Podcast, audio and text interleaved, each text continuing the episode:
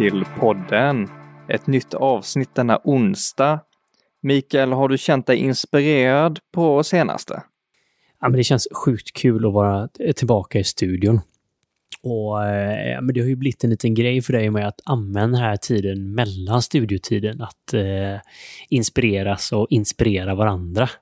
Så eh, vad var det du sa, Benjamin, om, eh, om hur man hanterar kriser eller hur Winston Churchill hanterar kriser? Han sa väl “never waste a good crisis”? Never waste a good crisis. Det är väl inspirerande om något i dessa tider. Ja, precis. Och vad jag tycker är um, extra spännande idag, det är ju det att vi har ju haft eh, eh, sedan några veckor tillbaka en, en gäst här. Och den här gästen har ju byggt någonting på det här med att sträva till det bättre. Bygger ju verkligen på stories, stories från alldeles enastående individer, människor, deras resa, men också kanske lite mer vanliga människor. Och eh, hur kommer det sig, eh, Mikael, att du sökte upp Strive och kände att det här verkligen resonerade med eh, Våga Mera? Det finns ju en eh, oerhörd kraft i historier. Vi kan titta tusentals år tillbaka så, så är det en sak där kunskapsöverföring och eh, utveckling alltid har letts av intressanta historier som har berättats. Och att möjliggöra det för oss alla. Att, att det här verkligen, jag höll på att säga klyschan, men att alla människor har en story att berätta. Det är ju verkligen ett budskap som Strive vill möjliggöra. När det kommer till det här med stories, Mikael, så har vi ju alla här fått höra dina fantastiska stories. En liten, liten fågel har ju viskat att du var på audition på Stripe. Hur kändes det? Det som har hänt för mig de senaste åren sen, sen jag öppnade upp för en annan dimension av mina stories, om vi ska säga det så, eller mina livsval. Det har ju inspirerats av väldigt många människor som har hjälpt till att göra det möjligt. Mycket av de här grejerna hade jag ju aldrig kunnat tänka ut själv. Och någonstans där så har ju känslan av att nu är det också dags för mig att ge tillbaka och inspirera med mina historier. Och där kom ju Strive in, så med bra Facebook-marknadsföring tror jag, så dök det här upp om och om för mig igen. Och jag såg att det var auditions i Stockholm. Jag tänkte jag måste åka dit. Plötsligt en dag på jobbet så ser jag att det är audition i Göteborg. Och tänker shit, där måste jag vara med. Men jag upptäcker att den är ju imorgon. Så... och jag inser att ansökningsdatumet är way passerat. Men jag bara får en sån här stark känsla av att du måste agera Mikael, gör någonting snabbt. Så jag förflyttar mig från liksom kontorslandskapet in i konferensrummet, stänger dörren, tittar hur fasen gör man? Ah, man ska göra någon form av pitch. Så det på med headsetet, gör en pitch liksom på min story, hur, hur jag sa upp mig och liksom skulle börja följa mina drömmar. Spelar in den här, lyckas få iväg den här till Strive då. och tänker att det här kommer gå åt skogen. Typ. En timme senare ringer Andreas. Mikael, klockan 12 imorgon kan du infinna dig på Opalen för, inte, för audition självklart. Liksom. Vad ska man säga? Jag är där. Och eh, ja, men om man kan tänka sig Idoljuryn så, så är det en liknande setup. Eh, man kliver in i ett rum, eh, ska dra sin pitch eller sin story och eh, så sitter juryn där och eh, in kliver Mikael. Eh, nervös för att de bara minuter insåg att han hade inte 20 minuter på sig utan han hade tre minuter på sig. Va? Attans. Då är det bara att ta godsakerna ju. Ja, så jag fick kondensera ner det till licensen och eh, lägger ut den där och jag tror att när jag är tyst där och Andreas ögon möter mina så är det någon form av förståelse för varandra där och för varandras stories och våra livsval och eh, jag tror att där blev en eh, liten bromance och en stor anledning för varför vi var tvungna att eh, dyka vidare i det här mordet som faktiskt har tagit Strive och Andreas till att sitta i den juryn och utvärdera mig. Precis som jag berättar min story där. så jäkla spännande och här har vi också nu eh, tillsammans med er lyssna eh, möjlighet att lyssna på Andreas story i, idag. Så jag tänker att vi hoppar raka vägen in. Vad säger du Mikael? Ja, det här ska bli superspännande.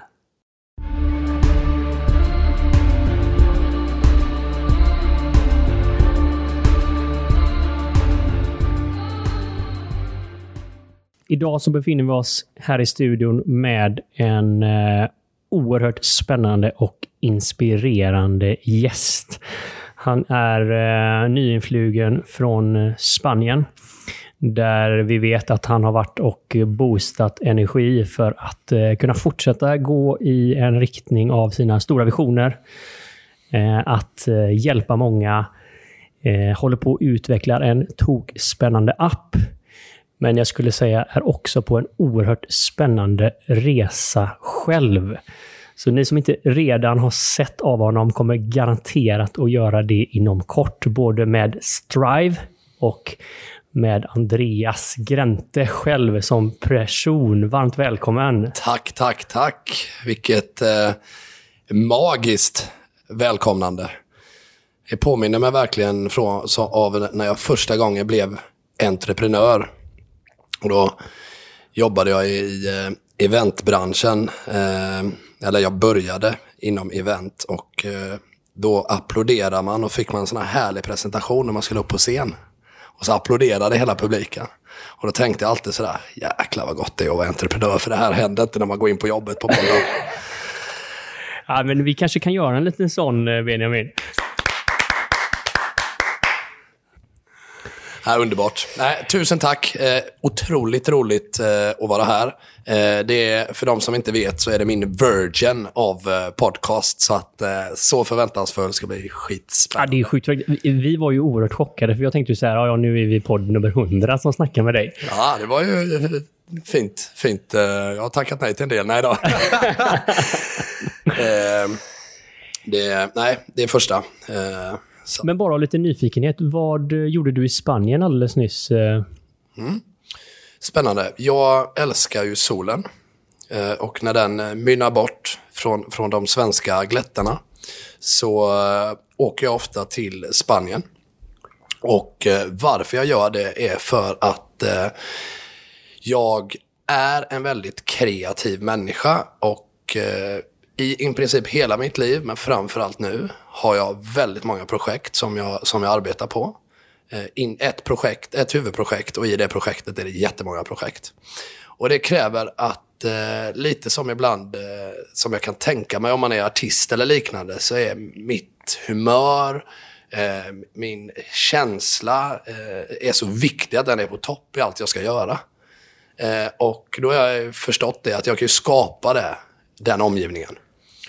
Eh, och sol är en viktig del för mig och eh, därför åker jag ner när jag har eh, väldigt viktiga grejer jag måste göra.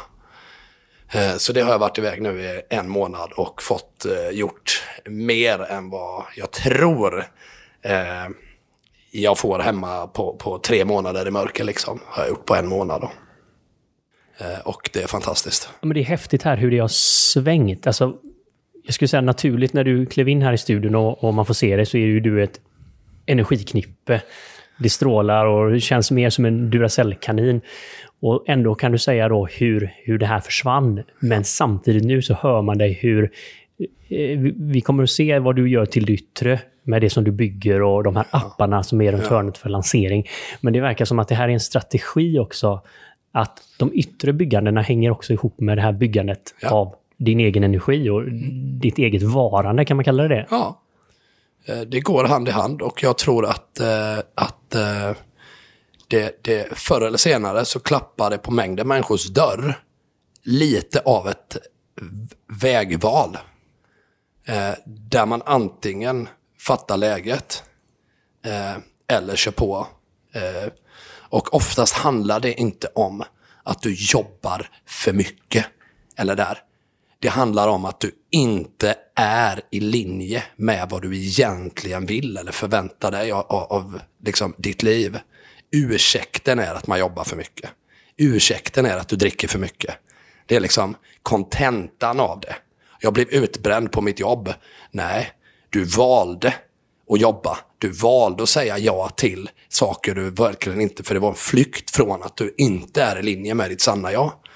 Eh, och den, den dagen kommer nog komma i mängder människors liv där man liksom lite får välja. Och eh, jag har sett mitt liv lite som en katt. Alltså det, det liksom, jag vet inte hur många liv det är kvar.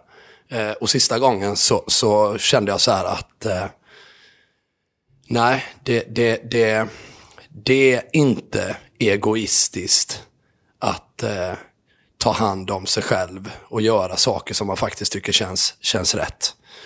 Och grunda en självkänsla av att eh, eh, mår jag bra så är mitt primära fokus att också göra omgivningen bra för, för andra.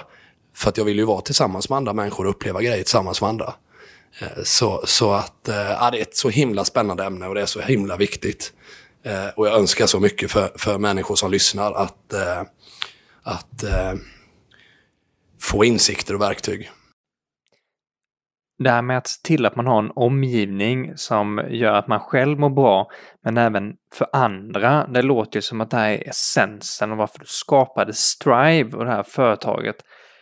Kan du ta oss tillbaka lite grann? Vad, vad, vad innebär Strive för dig? Det finns människor i världen, de äger en sak. Det är deras story. Strive skulle kunna bli plattformen och verktyget för dem att vända sitt liv upside down. För jag vet att det finns människor som både vill och behöver höra det de har att berätta. Så tänk er ett storytell där människor oavsett bakgrund får möjligheten att berätta sin livsberättelse och vi matchar den med människor som söker svar inom det specifika ämnet. Det här blir ju så kraftfullt Andreas, speciellt Boom. när man också öppnar upp uh, möjligheten för de här individerna att faktiskt få uh, men, lite finansiell return on investment. Nästan som att de är artisten för Spotify fast för Strive. Är det så jag ska tolka det? Ja, det, det är exakt så. Och det är där jag tror att det finns en liten driv i kanske i botten av min kropp någonstans. För när jag växte upp och när jag var liten så, så även om jag kunde något väldigt bra, eller visste någonting, eller var otroligt duktig på någonting, så störde det mig så mycket att hade det inte rätt titel, eller hade du inte rätt eh, eh, förutsättningar, så fick någon annan liksom jobbet. Eh, och alla idag äger ju faktiskt sin, sin berättelse och den är värd att, att, att lyftas. Och precis som du sa där att eh, tänk då de människorna i riktigt utanförskap. Som inte har någon ekonomi också. Som kan berätta sanningen. Där varje sekund betalas. Ja, det skulle kunna bli riktigt, riktigt häftigt. Ja, det ska bli så himla fräckt att se den här resan, Andreas. Hur ligger historien bakom Strive? Vad var det för frö och så här som fick det här idén och passion att växa inom dig? Strive då som, som har varit en fantastisk eh, resa eh, började ju verkligen efter eh, jag i hösten, vintern 2017 eh, var i den här botten av mitt liv. Jag höll på att verkligen eh, krascha hela eh, maskinen och, och, allt jag ägde och hade eh, rakt liksom ner i, i, gärna ner igenom liksom eh, jordskorpan. Eh, jag hade jobbat med ett koncept tidigare och eh, under de åren hade jag sökt pengar eh, som det primära eh, och saker. Eh, och jag trodde att liksom, når jag bara dit, har jag bara den där bilen, har jag bara den där lägenheten, har jag bara den där ekonomin, då kommer mitt liv bli så jäkla rock solid. Eh, och absolut, eh, du kan ha riktigt kul med pengar och du kan köpa bilar och, och, och sådär. Men det är ingen levande livsmekanism eh, i det. Och, och jag nådde en topp där, där jag hade nått mål som var högre än vad de jag hade tänkt från början. Och där blev jag helt tom. Och i kombination med det så började jag kröka och festa, och, vilket jag hade gjort väldigt hårt några år tidigare i mitt liv också. Så jag kom liksom tillbaka det. Och sen blev det liksom dominoeffekten eskalerande åt fel håll. Liksom. Och eh, i det bottenskrapet, eh, det var då, precis som jag härledde innan, det var den där sista liksom, vändan som var riktigt jäkla sådär, nu får jag välja. Eh, då såg jag en dokumentär med Tony Robbins som heter I'm not your guru. Eh, och för de som inte vet vem Tony Robbins är så, så kan, kan ni googla det. En cool snubbe liksom. Eh, så att jag hade inte så mycket kvar, men jag hade lite kreditvänlighet. Så att eh, jag, jag drog en biljett som kostade 50 000 och drog på hans seminarium i USA. Och så har jag varit duktig på att samla SAS bonuspoäng genom åren. Liksom, så att det, det, det, det gav mig till och med en businessbiljett eh, business eh, eh biljett längst fram. Jag hade aldrig åkt business. Till, eh, så jag bara, nu, nu går jag liksom all in. Och eh, Ska jag dra hela den här storyn nu? du kan inte bara göra den här teasern och sen släppa oss här. Alltså. Eller vad säger du Benjamin? Och I den här kraschen innan, eh, precis innan det här då, att jag, så hade precis min, mitt ex då, eh, som jag har hållit ihop med i många, många, många år, en helt fantastisk människa. Hon hade ju i den här kraschen också kraschat, kanske tack vare att jag kraschade. Hon fick vara med på en jäkla liksom, eh, karusell där. Så att vi gjorde slut, sålde lägenhet och, och allting. Och eh, hon drog till Australien för att hitta liksom sig, sig själv. Och eh, jag, jag harvade kvar här hemma och försökte reda ut vad, vad, jag ville med livet. Och så dök Tony Robbins upp som jag precis nämnde och så hade jag tänkt att ah, jag drar. Och då hade hon precis kommit hem och vi hade träffats lite igen och eh, jag har bokat de här biljetterna och allting. Och hade också tänkt så här, nej jag kommer inte tillbaka nu. Jag hade lite rensat också upp mitt liv i den här kraschen. Liksom. Du blev av med mycket skit som liksom... Du har verkligen städat här. Nej, det, liksom, det blev ju en städning med, liksom, för mycket bara gick ju. Eh, och eh, en vecka innan eh, jag ska dra, då ska vi åka gemensamt från Jönköping till Stockholm. Så hon hoppar in i bilen där och jag bara känner när jag rullar in bilen liksom. Hmm, något som inte är som det, som det brukar vara. Så in i bilen och ganska snabbt så säger hon, eh, du det är något jag behöver säga. Och jag hade ingen aning om vad det var hon skulle säga. Alltså. Och då sa hon bara, jag är, jag är gravid. Och du är pappa. Och det enda jag kunde få ut, eh, det var, är det okej okay om jag svarar om en stund? Och så blev det. Vi satte oss i bilen och brände upp mot Stockholm och det var tyst som i, i eh, jag vet inte vad. Och eh, i någonstans i höjd med Norrköping, från Jönköping till Stockholm, så i höjd med Norrköping så, så klipper jag ut då vad jag, vad jag tänkte.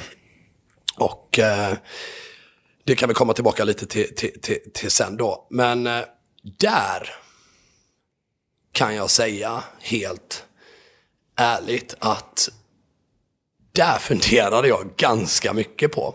För jag hade precis ställt in mig på att nu åker jag på Tony Robbins. Går på det här seminariet, försöker få svar på mina liksom, livsfrågor. Och jag hade den här affärsidén med Strive som jag hade försökt pitcha tidigare liksom, i Sverige med liksom, noll framgång skulle jag väl kort och gott säga. Och jag tänkte liksom, där kanske jag hittar någon eh, som skulle kunna tro på detta. Det är ju några tusen människor på de här seminarierna. Eh, och så har min bror bodde i Karibien. Eh, så det var perfekt. Jag hade liksom inte jättemycket pengar. Han jobbade för Norwegian, bodde i Karibien. Jag kunde bo där gratis. Jag bara, I'm on. nu drar jag från Sverige. Hittar liksom mitt liv. Eh, jag har alltid velat liksom göra en sån här livsresa. Och, eh, och, och så fick jag reda på eh, det här då. Och om min dotter nu lyssnar på detta i framtiden så, så, så, så, så är det verkligen så här. Det var det bästa som hände. Att jag kunde få Eh, det här fantastiska lilla eh, livet i världen. Eh, men sanningen är fortfarande den, spelar ingen roll vem det är, när du står inför de här frågetecknen så är de på, det, det liksom, de är där. Det går liksom inte att tänka, oj, är det en dröm, vad händer nu, ska jag bli pappa, liksom, här ska jag ut och resa världen. Så skitsamma, jag, I'm get on the plane, eh, drar en vecka senare till Tony Robbins. Och genomgå det här eventet som heter Date with Destiny. Eh, 5000 dollar för en biljett liksom. Man bara så här, what the heck.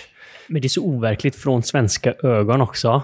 Och jag, jag, jag, tror många som lyssnar på den vet vem Tony Robbins är, men man får säga att han är väl en av de större influensrika coacherna och, och ledarna inom personlig utveckling i ja. världen. Ja. Men ändå att kunna ta 5000 dollar för en biljett till, hur många dagar är ett sånt här event? Ja, det är fyra, fem dagar och sex, sex nätter. Eh, men ja, så det, är, liksom... Det är sick. Ja, det är sick. Och, eh, och hur jag då fungerar, så är det in i det här rummet och så hade jag liksom en fråga som har förföljt mig liksom hela mitt liv. Eh, och har jag pröjsat de pengarna och tagit mig hela vägen till USA, då vill jag gärna ha svar på den.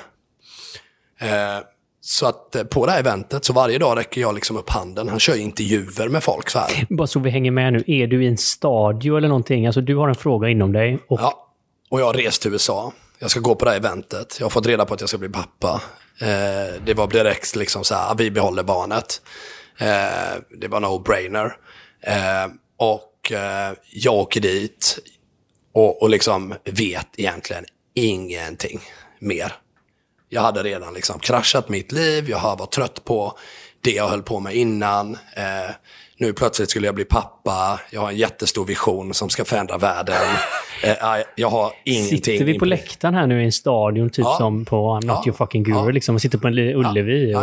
ja. Så fett, fett event med, tillsammans med 5-6 tusen människor.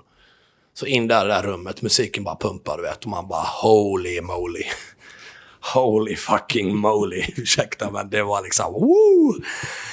Eh, så in där. Och han kör intervjuer med folk och intervjuar dem och löser deras liksom, livsfrågor och livsproblem. Och jag hade min fråga om mitt livsproblem. Och jag var helt orädd, eller nej, jag ska inte säga, jag var väldigt rädd. Eh, men jag ville prata med honom så att jag kunde få svar på den här frågan. Och varje dag jag springer fram, jag räcker upp handen, hans liksom vakter, securities, två meter stora med rakade hår som går bakom honom för att någon inte ska hoppa på honom när han kör de här eh, showen. Liksom. Så, så, så eh, tar dem liksom och säger till mig, du får inte vara här framme och sådär. Så jag jagade hans attention. På fjärde eller femte dagen eh, så kommer en sån här perfekt intervju.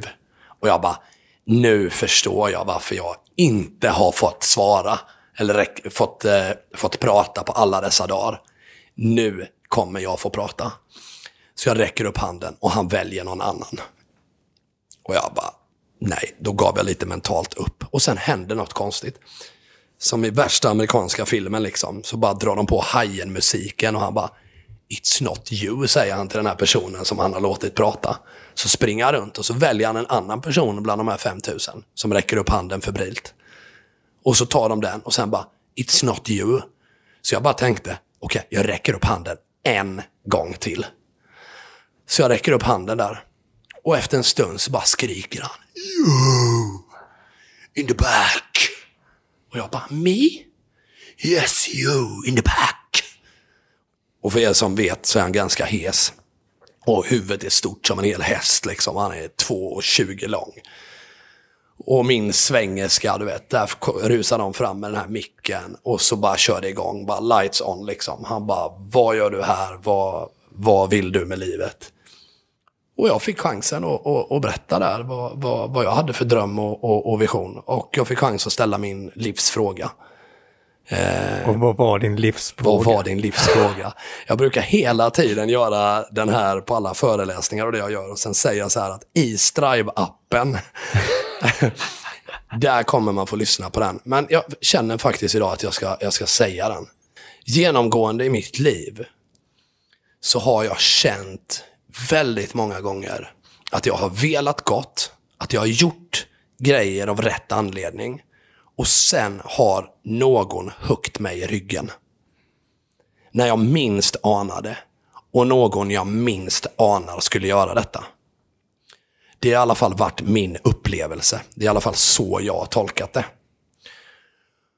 Och sanningen är den att då har min energi gått och jag tänkt på detta och jag har stört mig på detta och det har tagit mer och mer energi. Och jag har blivit mer och mer rädd för att göra saker jag vill göra för att jag blir rädd för att bli lurad.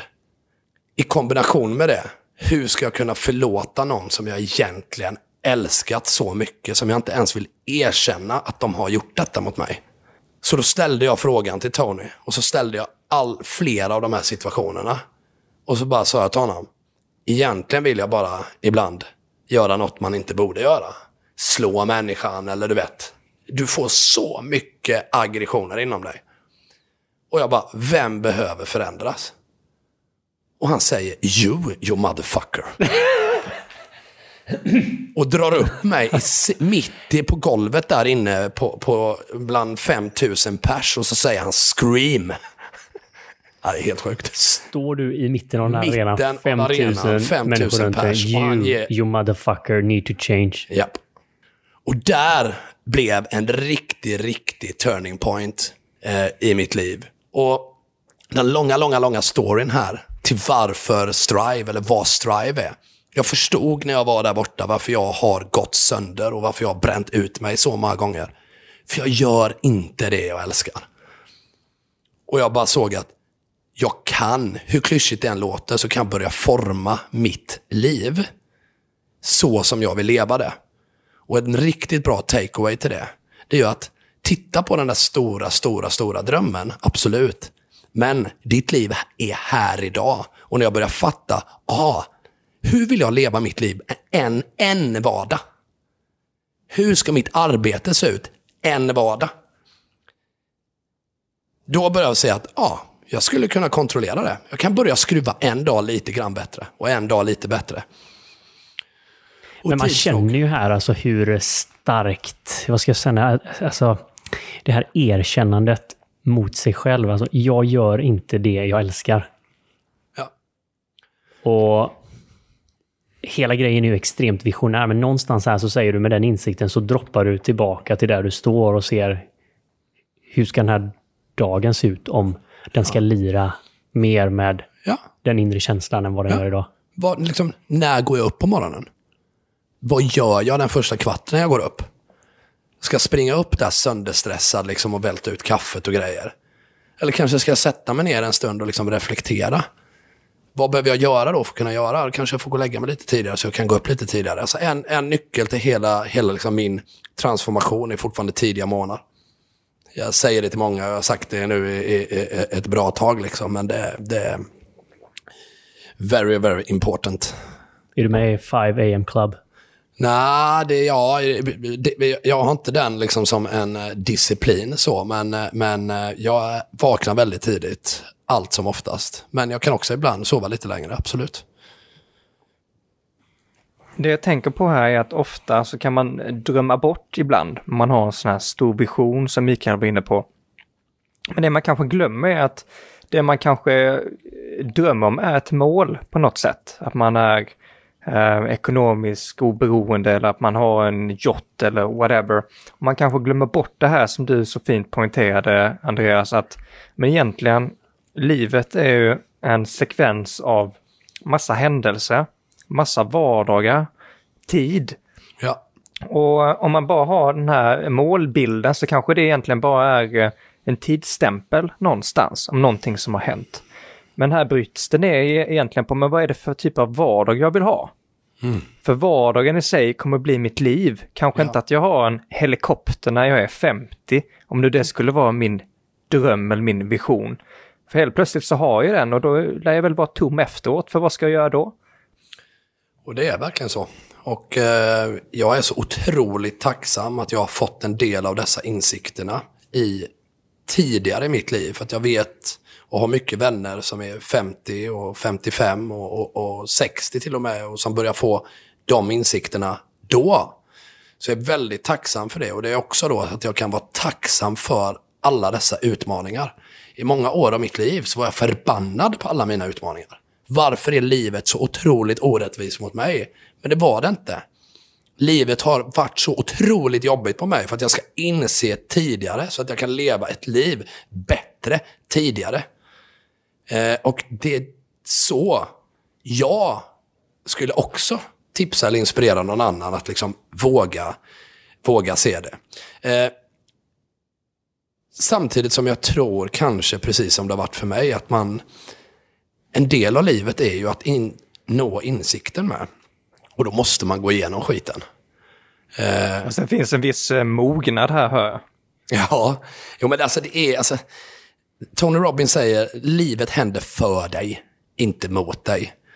Eh, och det är en väldigt viktig, vi- viktig nyckel. Men sen, sen är det så här att eh, det, man, ska inte, man, man ska komma ihåg en sak med.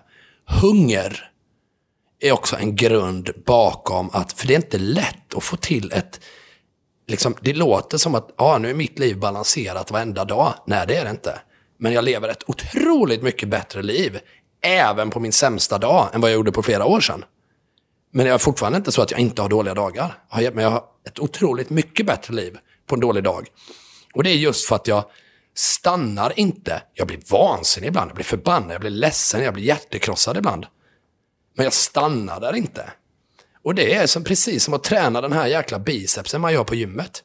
Eh, det, det är en träningssak. Och för att klara det så måste man applicera hunger. Och hunger föds genom att man gör saker man älskar. Så vad kan vara ett enkelt recept? Om du gillar springa, gå ut och spring mer. Om du gillar att vara i lekparken med barnet, gå till barn, med barnet till lekparken mer. Om du gillar att cykla, cykla. Gillar att åka skateboard, åk skateboard. Liksom bara bestäm en tid du ska göra de här grejerna. Så kommer det liksom börja kittla lite mer på insidan. Det här är så jäkla coolt. Eh, just att det verkar finnas en tendens när vi blir vuxna att vi slutar att göra saker som vi tycker om. Och här typ presenterar du världens enklaste recept på bordet. Ja. Gör det du tycker om Ja. mer. Alla, ja, men alltså, gör, gör det det jag, jag, jag idag är, jag, jag tror på att det finns någonting större exempelvis. Jag, jag, jag tror på så, det är inte alla som gör det och kanske vissa har svårt att, att, att, att toucha till det. Men för många, många år sedan, så, eller för många år sedan, inte för så många år sedan, men då började jag läsa. Det är bara så roligt, det är en sekvens som jag gillar att dela. Eh, och det är ett stycke ur Bibeln. Där en, en man sitter som inte kan gå och rycker tag i eh, Jesus och säger snälla, snälla, hjälp mig så att jag kan gå. Och svaret som är där i, oavsett om detta kommer från en story eller vad man tänker och tror och har för relation till något som är större än sig själv, så är det bara så himla grymt. Han bara, ställ dig upp och gå. Och vad jag tog med mig när jag läste det, det var det så här, om jag är sjuk, ja men Andreas, du är frisk. Är du med? Om du vill bli lycklig, gör lyckliga saker. Sluta försvåra allting. Skriv en lista på vad är kul och gör det. Alltså egentligen, hur sunt, hur bara lätt låter det inte? Och det är så lätt. Nej men det är så Nej, lätt. Alla men- vet vad som är roligt. Då, då måste jag ju vinna på Lotto eller jag måste ju jobba Nej. eller till lite mer. För saker som är roligt det kostar ju bara pengar. För det finns ingenting som är roligt som är gratis här i livet. Det är bara, eh, det är bara lärda, inlärda, eh, falska, falska tankar. Det finns så mycket som är, som, är, som är roligt. Problemet är, det är att man har nått depression eller någonting. Depression betyder deep rest. Det är alltså, du är energimässigt sliten och trött. Har du nått depression, det är ungefär som att nått extremt mycket övervikt. För att komma ner till normalt måste du jobba hårdare. Så har man hamnat i den positionen eller satt sig i den positionen, ja, det är klart att det är jobbigare. Men jag kan se människor på YouTube som åker windsurfing utan ben och armar. Så att jag har valt att titta på då, som, liksom, som ett litet driftsrecept, så tittar jag på människor som har det så mycket jobbigare än mig. Och plötsligt blir inte mina problem lika jobbiga. Men, men summa kardemumma fortfarande, varför man känner att man har mindre saker som man ser är roligt. Ja, det är för att du har kommit så långt bort så att din hjärna har liksom blivit trött. För att på en riktigt positiv dag, det är likadant, helt öppet. Hur många är superpepp en söndag om de är bakfulla? Alltså, det, ja, men för mig, jag, Det skulle jag vara på att få hem kebabpizzan då. Ja, men alltså depressionen, den hänger ju runt hörnet. Alltså den är så mycket närmare. Och så testar jag samma grej en söndag om jag skulle inte ha druckit. Då spelar det ingen roll om det regnar. Jag har tänkt på det så många gånger i mitt liv. Och jag drack inte igår. Idag ösregnade. Jag bryr mig inte. Jag är lika glad då. Så det är bara bevisa för dig. Om du har nått ett lägre energiflöde eller liksom så. Då har du svårare att se vad som är roligt.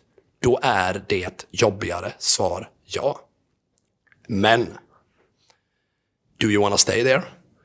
Eh, Du är också närmast när det gör som mest ont. Och jag är så glad att jag har haft mentorer. Jag blir så taggad här nu när jag pratar om detta. Jag är så underbart. otroligt jäkla glad att jag har haft sprudlar av energi. människor runt omkring mig. När jag har haft, när jag legat ner i skiten, så har de sagt, Andreas, det är nu det gör som ondast. Det är nu du kan hitta drivkraften till att förändras. You motherfucker.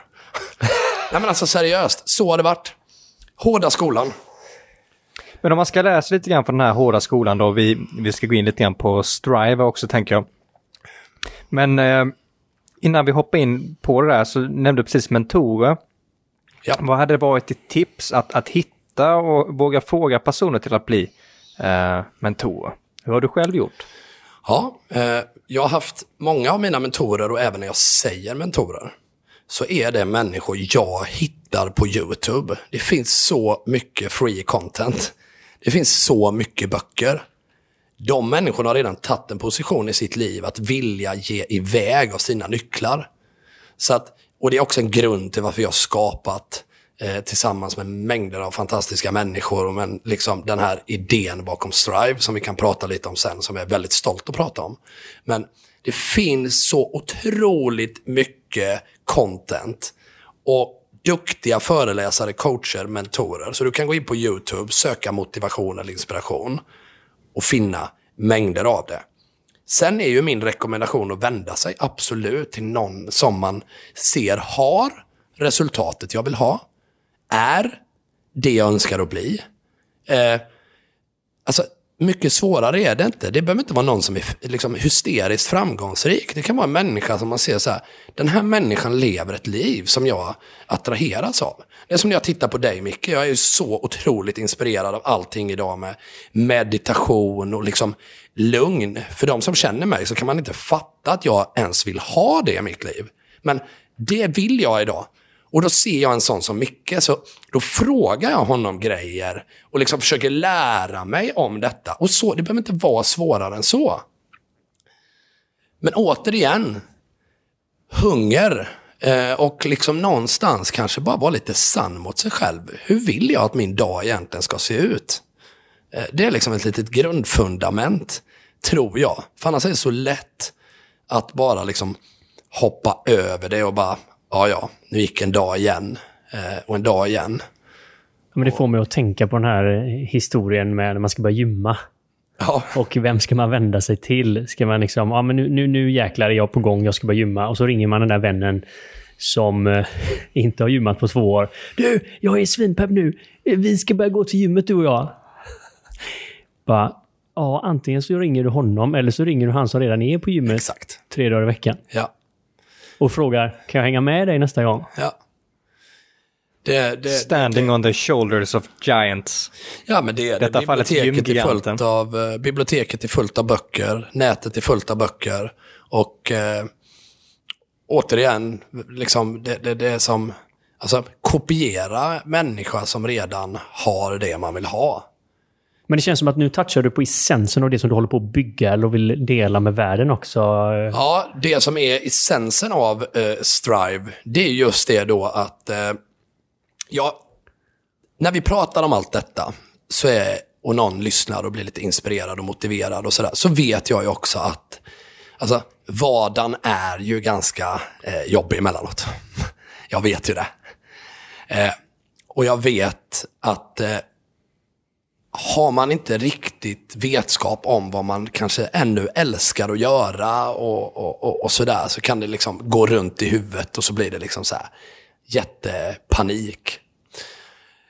Och har man gå, gått på ett seminarium eller lyssnat på en motiverande podd och så kommer man hem från det här seminariet eller det och kommer hem i sin egen vardag, då är man ganska ensam igen. och det vet jag ju också, för att det har liksom varit, varit i det här. Eh, och har man lyssnat på de här motivationstalarna eller inspirationstalarna så är det så otroligt lätt att bara tänka Ja, ja, ja, men det är ju lätt för hon att säga som är så rik. Eller det är ju så lätt för han att säga som är så framgångsrik. Eller, ja, de, vet, man tror att människor har liksom haft någon räkmacka. Eh, Kanske någon har haft det, kanske har även de som är jättekända och jätteframgångsrika inte haft det. Jag kan inte svara för det. Men jag vet att jag tänker när jag lyssnar på mycket inspiration och motivation som finns där ute. Och att jag verkligen tänkte i början av min karriär, eller min personliga utvecklingskarriär, att ah, det är lätt för dem att säga. Och varför tänkte jag så? Jo, för att mängden forum bygger på att de som intervjuas är de som är väldigt kända. Eller människor som har nått väldigt, väldigt, väldigt långt i sin professionalitet eller liksom karriär. Och då blir gapet från min lilla verklighet till deras, den blir så stor så jag ger upp direkt. Och det har jag tänkt på så otroligt mycket. Och samtidigt som bara, det är ju så mycket människor runt mig överallt. Och människor har så mycket stories och så mycket livserfarenhet. Och det kallas empirisk kunskap. Alltså, det, direkt du har klarat av någonting så är du egentligen ledaren av det. Så därför skapade vi Strive, alltså en plattform för människor oavsett bakgrund. Att dela sina berättelser i korta åtta minuters klipp på ett lärande sätt och följa en liten, liten systematisk plan som, som vi har tagit fram då tillsammans med, med några som är otroligt duktiga på storytelling och, och, och liknande. Då. Och det är jag så otroligt stolt och inspirerad av. Eh, jag har själv fått äran att lyssna på så otroligt många människor som har börjat dela sina berättelser. Och det är allt ifrån kvinnor och män som är jätteframgångsrika och insett kanske att pengarna var inte det viktigaste.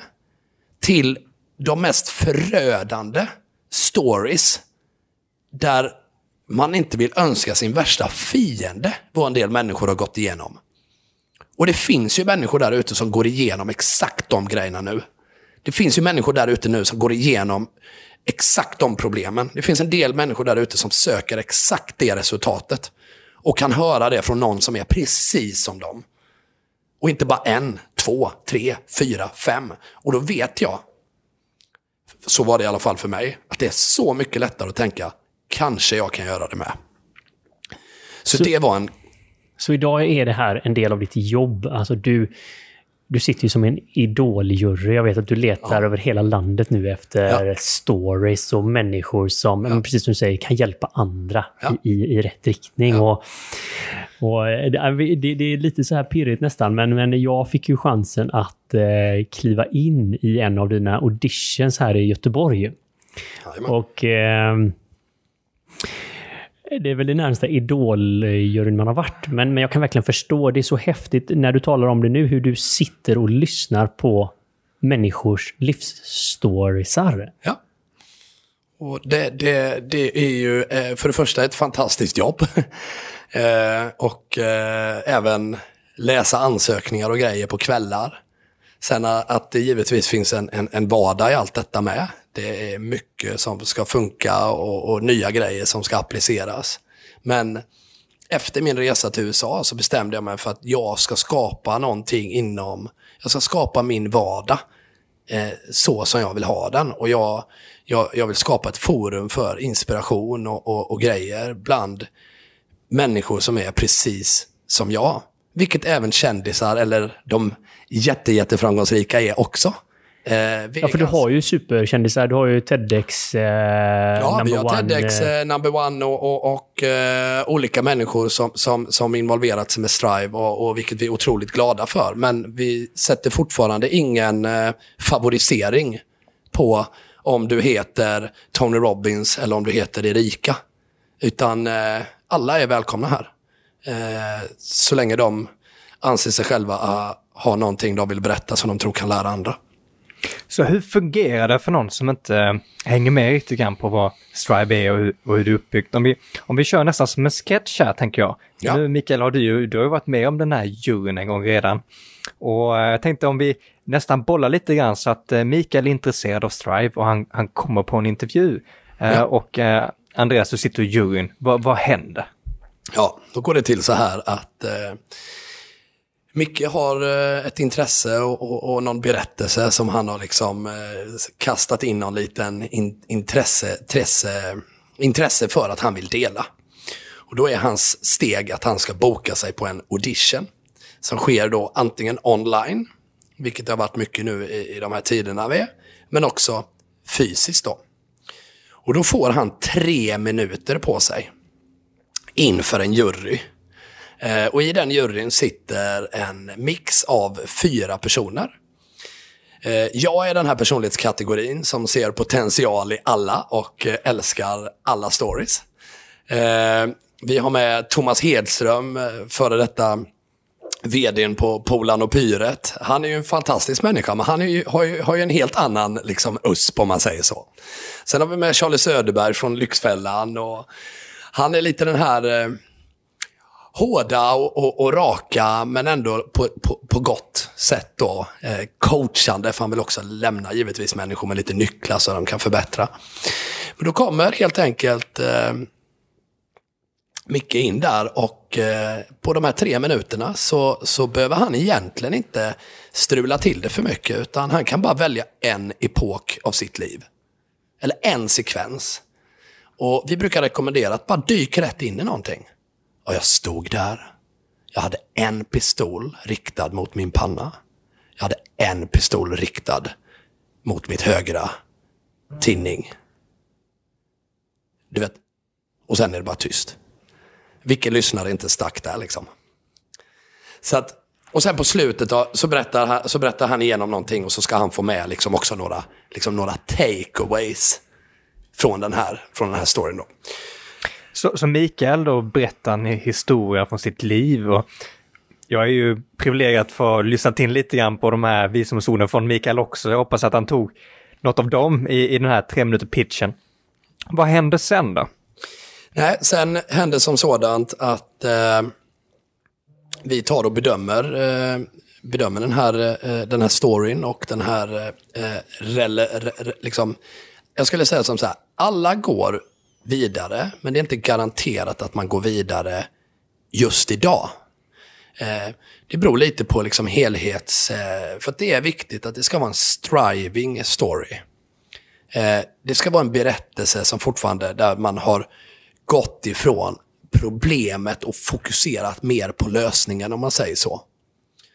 Eh, men efter det så händer det som så att man, eh, man väljer att eh, eh går man vidare så, så får man en, en, en kurs och en plan eh, tillsammans med våra team och hela vår community som växer nu vecka för vecka. Eh, och så börjar man följa den här planen och eh, skapa sina stories. Och så har man lite coacher och mentorer som, som hjälper en på denna resan. Eh, väldigt enkel, väldigt systematisk och människor brukar spotta upp stories redan sin första vecka. Liksom. Och när de har kommit, eh, då, då görs de i skrift först. Och så får personen i fråga lite feedback och lite hjälp. Eh, och efter det så spelar de in dem i ljud eh, själva via sin mobil på, med lite liten rekommendation på setup hemma. Och efter det så skickas de på, på redigering och eh, där kryddas de med bakgrundsmusik. Pratar någon om en dörr så knarrar det en dörr och så gör vi detta helt epic helt enkelt. Och sedan publiceras de i vår plattform som är en app som eh, per, per dagens datum kommer vara lanserad vilken, vilken, vilken dag som helst. Då. Och den appen är en blandning mellan en stor, Storytel, där det finns massa ljudböcker och grejer, och TikTok skulle jag säga. Så att eh, det är en trevlig liten mix. Och, och, och där, eh, där ska vi eh, sprida detta och människors berättelser och eh, det ska bli så roligt. Och tanken är att man ska helt enkelt kunna gå in och inspirera och ta sig själv i en ny riktning ja. eller göra förändringar i livet. Ja. Alltså man ska boosta sig där inne lite. Ska, ja. Tänker du att det ska vara en, som Tony går. Robbins gör i sin arena? det går lite som, jag kan göra en mix också egentligen. Många kanske vet vad TED Talks är. Eh, vi, vi, vi tror väldigt fortfarande på community. Vi tror på att bygga ett eh, samhälle av människor som strävar efter någonting mer. Som är nyfikna på livet, som, som som inte vill acceptera eh, kanske problem och låta det bli deras identitet. Utan man, man, man, vill, man vill ta sig framåt på ett eller annat vis. Och då har vi skapat det här forumet där vi samlar mängder av berättelser från människor, precis som du och jag. Och ovanför det så finns också det vi kallar guider eller coacher. Så jag kanske inser när jag lyssnar på berättelser och grejer att shit, jag vill ha en viss förändring och jag kanske vill ha proffshjälp också. Eh, då kan man finna den inspirationen och, och, och eh, coachning och vägledning även på plattformen med. Men det kan också vara så att jag, jag vill resa, jag vill gå på eh, olika seminarier. Så då arrangerar vi hela tiden. Varje vecka rullar det olika digitala föreläsningar idag. Eh, vi kör event. Eh, vi kommer, kommer ha mycket resor genom våra eh, eh, partners och samarbetspartners. Så att, så att man kan växa genom Strive med. Så man kan börja med att berätta sin story och kan sedan också bli en, en ledare eller en coach eller en guide för även för andra människor. Och sen har vi gjort en liten häftig upplägg på det, likt Spotify, YouTube-upplägget då, så att man kan helt enkelt få betalt per spelade sekunder av sina berättelser då. Ungefär som att man har släppt en låt på, på Spotify, eh, vilket är coolt. Nej, men det känns eh, som att eh, du verkligen växer med den här resan också. Det är väl som de flesta entreprenörerna att eh, det, det, är en viktig del också. Men det verkar Eh, helt, helt ärligt eh, riktigt eh, svårt eh, att eh, kicka igång en sån här vision, bygga ett sånt här community och eh, åka land och rike runt på auditions för att hitta profiler. Behöver man någon form av överskottsenergi eller ADHD för att liksom ens komma på en sån här galen tanke? Ja, eh, nu ska vi inte prata om ADHD eh, idag. Det skulle vi kunna göra lite, lite grann. Jag, jag, jag, jag fick en diagnos för några år sedan och den toppade ju ganska högt. Eh, jag skulle säga som så här att eh, nej, man behöver nödvändigtvis inte ha en överskottsenergi. Utan man behöver ha en, en hunger och en beslutsamhet, vilket jag tror man behöver med allt. Det man ska veta med, med även Strive så är det så att det är inte byggt dit vi är idag på, på liksom ett år eller, eller två. Det, det är byggt över flera, flera, flera, flera, flera år. Eh, senast igår satt vi och gjorde eh, eh, förberedande uppgifter till alla som ska vara på vårt event här den 12 december. Och när jag skulle börja och göra det, så bara, ja men shit, för tre år sedan gjorde jag ju, så gick jag tillbaka och plockade upp någonting som jag hade sparat i min dator, som jag inte använt överhuvudtaget. Så att, ja, och varför säger jag detta? Detta är en jättebra takeaway som, som kan komma till många människor nu som, som drömmer om att bli en entreprenör eller grejer. Genom mina år som entreprenör så har jag ibland varit väldigt hård mot mig själv att jag har gjort så mycket saker som inte fungerat. Eller jag har skrivit utbildningar som jag aldrig gjorde. Och så har jag grämt mig ibland och, och varit hård mot mig själv. Att Andreas, du har lagt så mycket tid på massa skit. Tänk om du bara kunde lagt det på det som funkar eller sådär. Men jag ska säga er, de senaste åren skulle jag säga att 50% av Strive är byggd på att saker jag gjort innan som jag sparade. Som du är på gång med ditt entreprenörskap eller grejer och gör saker. Var så jävla glad och tacksam över att du hela tiden skapar. Lägg det i någon, någon, någon låda, kategorisera det så kan du liksom återanvända grejer. För du kommer garanterat eh, kunna plocka upp mängder av grejer senare. Bara en sidotips. Eh, Ett fantastiskt tips. Jag, jag, känner igen mig så himla mycket i detta. Ibland så blir jag trött på alla mina post-its, eh, blad jag har skrivit, dokument i datorn, ja. som mest tenderar att se ut som de samlar damm. Men, ja. men, det kanske är en del av skapandeprocessen, säger du? Ja, det är 100 procent. 100 procent. Eh, så jag vet inte om jag gick ifrån frågan innan, eh, men eh, om man behöver någon överskottsenergi eller någon form av ADHD. Jag ser ADHD som, som någonting positivt. Eh, även att jag inte vill identifiera mig med den diagnosen idag, för jag har många tankar och, och grejer om det. Så vi kan lämna det oberört eh just nu.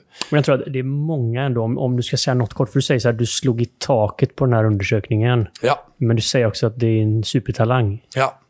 Nej, men låt oss eh, prata lite om det då. Eh, eh, eh, alltså, nej, men jag, alltså, grej, vad jag vet idag, och vad som det är viktigt att och, och, och just konkretisera det innan tycker jag, att jag säger inte att ADHD inte finns. Eh, det finns garanterat. Eh, däremot så vet jag när jag gjorde den här eh, eh, diagnosen att jag också var i ett skede i mitt liv. Så mycket av den diagnosen var liksom ett livsmönster. Det var liksom ett, ett beteende jag hade utvecklat. Som också resulterade i att jag fick en så otroligt högt klingad eh, diagnos. Eh, ADHD sägs ju ha lite att göra med dopaminbrist. Och dopaminbrist kan man ju få om man till exempel äter mycket socker. För att varje gång jag äter lite socker så spottar min hjärna ut massa dopamin och jag känner den här belöningseffekten. Eh, om jag tittar likes, om jag skickar sms till folk för att få ett svar tillbaka. Eh, om jag gör massa olika aktioner röker, dricker, tar droger, snusar. Jag personligen snusade tre doser extra stark per dag för några år sedan. Idag, det som jag helt lyckats sluta med är snuset. Jag är så jäkla glad för det. Men det betyder att redan jag påbörjar att göra någonting så börjar jag tänka på när jag ska ta nästa snus. Hur som haver för att avrunda till detta bara så är det så här att dopaminet har en funktion i vår hjärna som vi går tillbaka till stenåldern. Om du, Micke, skulle fixa mat till bordet när vi sitter här i vår vedstuga. Eh, så ger du dig ut och letar efter eh, att hitta något djur eller liknande. På den tiden fanns inga telefoner, fanns ingen Coca-Cola, det fanns inte massa eh, eh, saker eller ämnen man kunde stoppa i sig som spottade ut dopaminlagringarna. Utan de var fullagrade. Vilket gjorde att dopaminet har en funktion att du ska orka hålla dig motiverad. Dopaminet skickar ut lite dopamin hela tiden så du bara, ah, nu är det nog snart en bock här bakom hörnet. Ah, nu är nog min mat nära. Och var den inte det så fortsätter hjärnan att spotta ut lite av de här depålagringarna hela tiden, hela tiden. Vilket gör att vi klarar att gå efter mål så otroligt länge. Om eh, vi stör det som vi gör idag med att tillsätta socker eller kickar hela tiden, så omtränar vi vår hjärna och vår dopaminproduktion att inte bygga på sig själv. Och vi lär om oss att vi inte kan fokusera på långsiktiga mål. Exempelvis. Vilket betyder, jag kan bara berätta för mig själv, men jag är uppvuxen på singoalla-kakor, saft, eh, Coca-Cola. Eh, jag tror idag att mycket av det som är gör att vi människor har, och jag kan säga att många människor som inte har ADHD, eller har fått en diagnos, har i så fall ADHD. För det är vårt beteende idag, vad vi stoppar i oss, vad vi gör och ett beteende vi byggt upp. Vilket jag skulle vilja säga att man kan lära åt ett annat håll. Eh, och om du nu ser ADHD som en superdrift så är det också så här att det tror jag att mängden människor, i princip alla, skulle kunna utveckla med. För det handlar ju om att få en hunger efter det man faktiskt Socker, har. dopamin.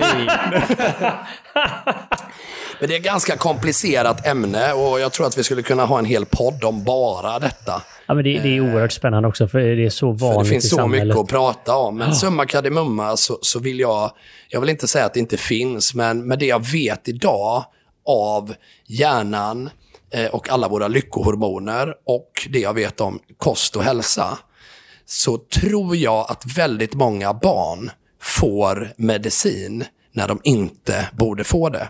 För den medicinen tar bort en del saker i hjärnan som bland annat gör att man kan nå eufori, vilket är en fantastisk eh, känsla som man kan få när man har tränat eller sprungit och, och, och, och när man får den här fullkomliga liksom, levande känslan där man är ett med liksom, livet. Man är så otroligt glad. Eh, och många gånger så tror jag att människor som diagnostiseras, för det är ingen som sätter en spruta i huvudet eller gör ett blodprov och säger att du har ADHD. Utan man faktiskt tittar på beteende och sen pratar man med omgivningen. Och om vi då tittar på ett barn, hur många tittar på hur föräldrarna faktiskt lever sitt liv? Hur många tittar på att föräldrarna sitter och äter socker och lever ett ohälsosamt liv? Och att ungarna... Jag har en dotter idag på två och ett halvt år. Om jag ger henne en glass så ska jag säga det att hon äter väldigt sällan socker. Det är skrämmande att se. Hon blir helt beteendeförändrad. Helt alltså. Ungefär som att man hade gett henne något annat. Eh, och det skrämmer mig. Så att, ja. Jag är öppen för att ta en hel podd en vacker dag om det här ämnet. Ja, men det, jag tycker att vi... det känns som att vi har en fellow biohacker här i rummet lite grann. Är det någonting du är intresserad av? Absolut. det är så många. Kan man bara säga så här, för, för du har så himla mycket erfarenhet av detta. Så att eh, vi har till och med pausat ett helt avsnitt. Men kan man, det är så många föräldrar bara som har ingenstans att vända sig. Och lite så här, vad, vad skulle, om, om du kan ge något tips till föräldrar som kämpar med barn som har ADHD eller sägs, vad, vad, vad kan du liksom säga i... Ja. Då skulle jag ju ett, börja titta på mina e mitt eget liv. Eh, faktiskt. Monkey see, monkey do. Så jag skulle titta på hur är faktiskt min balans? Hur, hur, hur, hur balanserad och strukturerad är jag när jag vaknar upp på morgonen? Vilken trygg plats skapar jag för detta barnet som nu då har utvecklat ADHD eller, eller har ADHD? Så jag skulle börja med att jag rannsakar mig själv och tar fullkomligt faktiskt ansvar eh, över mitt beteende och tittar först och främst där. Jag vet att det låter hårt, jag vet att det är många som kanske lyssnar som lider med det här. Men jag har själv barn idag och jag är väldigt, väldigt hela tiden aktsam med att försöka se hur är jag? För att vi människor kopierar ett beteende otroligt snabbt. Och många gånger så handlar detta om uppmärksamhet med. Jag har ett ganska fullt schema. Eh, jag jobbar otroligt hårt på att också vara en närvarande pappa. Och direkt jag är icke närvarande, eller multitaskar, då har min dotter en förmåga av att eh, göra massa saker och hyss och, och, och, annat för att få uppmärksamhet. Och barn behöver väldigt mycket närhet, kärlek, uppmärksamhet. Så att jag är övertygad om att mycket av de här problemen kommer från oss föräldrar. Och vi kan inte beskylla och döma barnen för det och hela tiden gå och titta på, på liksom resultatet av någonting. Vi måste gå till kärnan. Börja där. Eh, och sen personlig utveckling. Alltså, eh, jobba med ditt eget tålamod så att du kan liksom få en mer balanserad eh, eh, eh atmosfär kring dig. För har barnet redan utvecklat ADHD, det är också det är samma grej. Det är som att om man ska vara tjock och gå ner till smal. Det kommer vara ett hårdare arbete. Så då måste jag ju träna mig ännu mer. Så att jag kan vara lugn när allting icke är lugnt. Och visa en ny stig och en ny väg. Och när man har gjort det framgångsrikt i sex månader, då kan vi börja gå ner och titta på individnivå. Det är ungefär som när människor ska göra slut för snabbt eller så här. Okej, okay, ändra på dig själv innan du gör slut med din partner. Bli den du sa du var från början innan du går och gör, gör, gör slut. Om du efter sex månader har ändrat på dig själv, blivit det number one lover och ingenting fortfarande är rätt, då är det nog sannolikt rätt att byta partner. Eh, så att eh, det, det är mitt steg ett. Och jag tycker jag lämnar det där, för det är ingen idé att gå till steg två förrän vi har gjort steg ett. Vi, vi har ju sex månader på oss här nu. Så att, Exakt.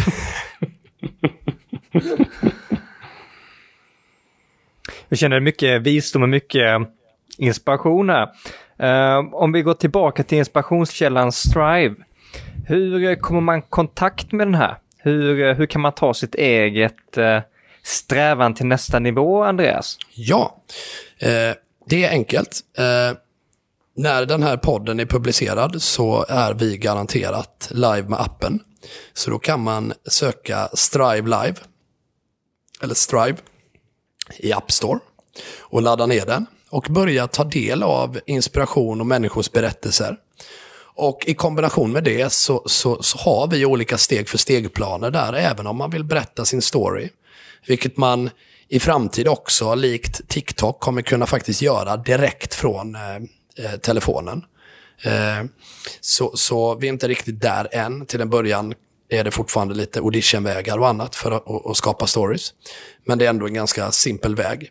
Men så jag skulle säga steg ett är, är, är att, och ladda ner appen och eh, börja ta del av inspiration och låta inspireras. Och eh, tycker man att det är bra och fantastiskt så kan man involvera sig i olika incentives och, och, och, och eh, eh utbildningar och annat som, som vi har då som täcker väldigt, väldigt många ämnen.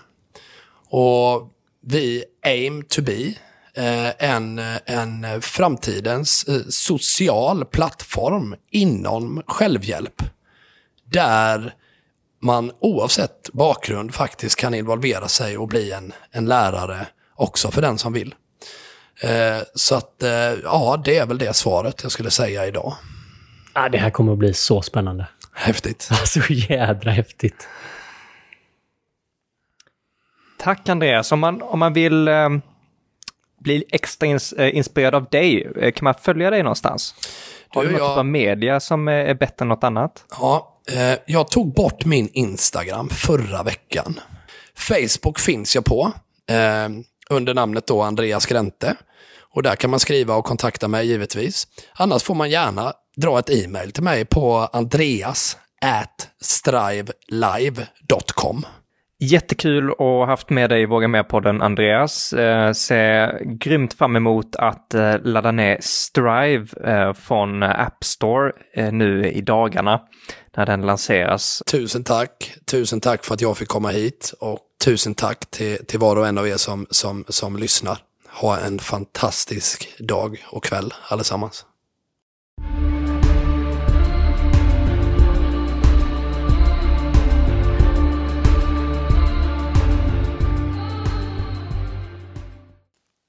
Vilken spännande story.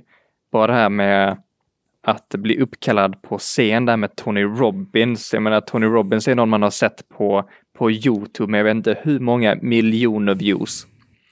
Ja, jag har mycket jag tog med mig härifrån och eh, några få saker jag vill dela. Är det någonting speciellt du tänker på här Mikael? Det är ingenting som händer utan att det är motstånd i början. Och någonstans här för Andreas så kom det ju till en fas när han hade nästan inga andra val, men han gav heller inte upp den här starka känslan om att det här vill han verkligen göra. Och den är verkligen så sjukt inspirerande och jag tror att den väcker den här känslan i oss alla. Den vibrerar på lite samma vibe som grabbarna på Lilla Sur. Att när man ger sig tusan och ger sig hän, då, då finns det inga berg som är för stora att bestiga. Om det så krävs att man ska skrika med Tony Robbins. Jag, jag har börjat inse det här nu Mikael, efter att vi har gjort några av de här eh, avsnitten med verkliga entreprenörer. Att det känns som vi håller på att finna ett liknande DNA-spår känner jag. ja, men det är ju det som är det, det coola när man, när man pratar med sådana här personer och, och hör eh, de eh, personliga storiesarna bakom att hmm, okej, okay, det där kan jag känna igen mig i och det finns delar i mina drömmar och mina steg som kan väckas av det där. Så att, ja men verkligen, jag tror att eh, det är något vi kommer att fortsätta göra också, för det där kan man återaktivera hur många gånger som helst. Och är det någonting vi vill så är det verkligen att återaktivera modet gång på gång så att vi ser till att både vi och ni tillsammans med oss kan våga mera. Och vi finns ju på Facebook och Instagram och eh, vi uppskattar all feedback och alla idéer på folk som ni anser är inspirerande och hade varit bra kandidater för Våga Mer-podden. Så det uppskattas om ni skickar in det som ett meddelande till oss så tar vi och kollar på det. Som alltid så vill vi önska er en alldeles underbar fortsättning på er dag så hörs vi igen vid nästa avsnitt. Våga mer.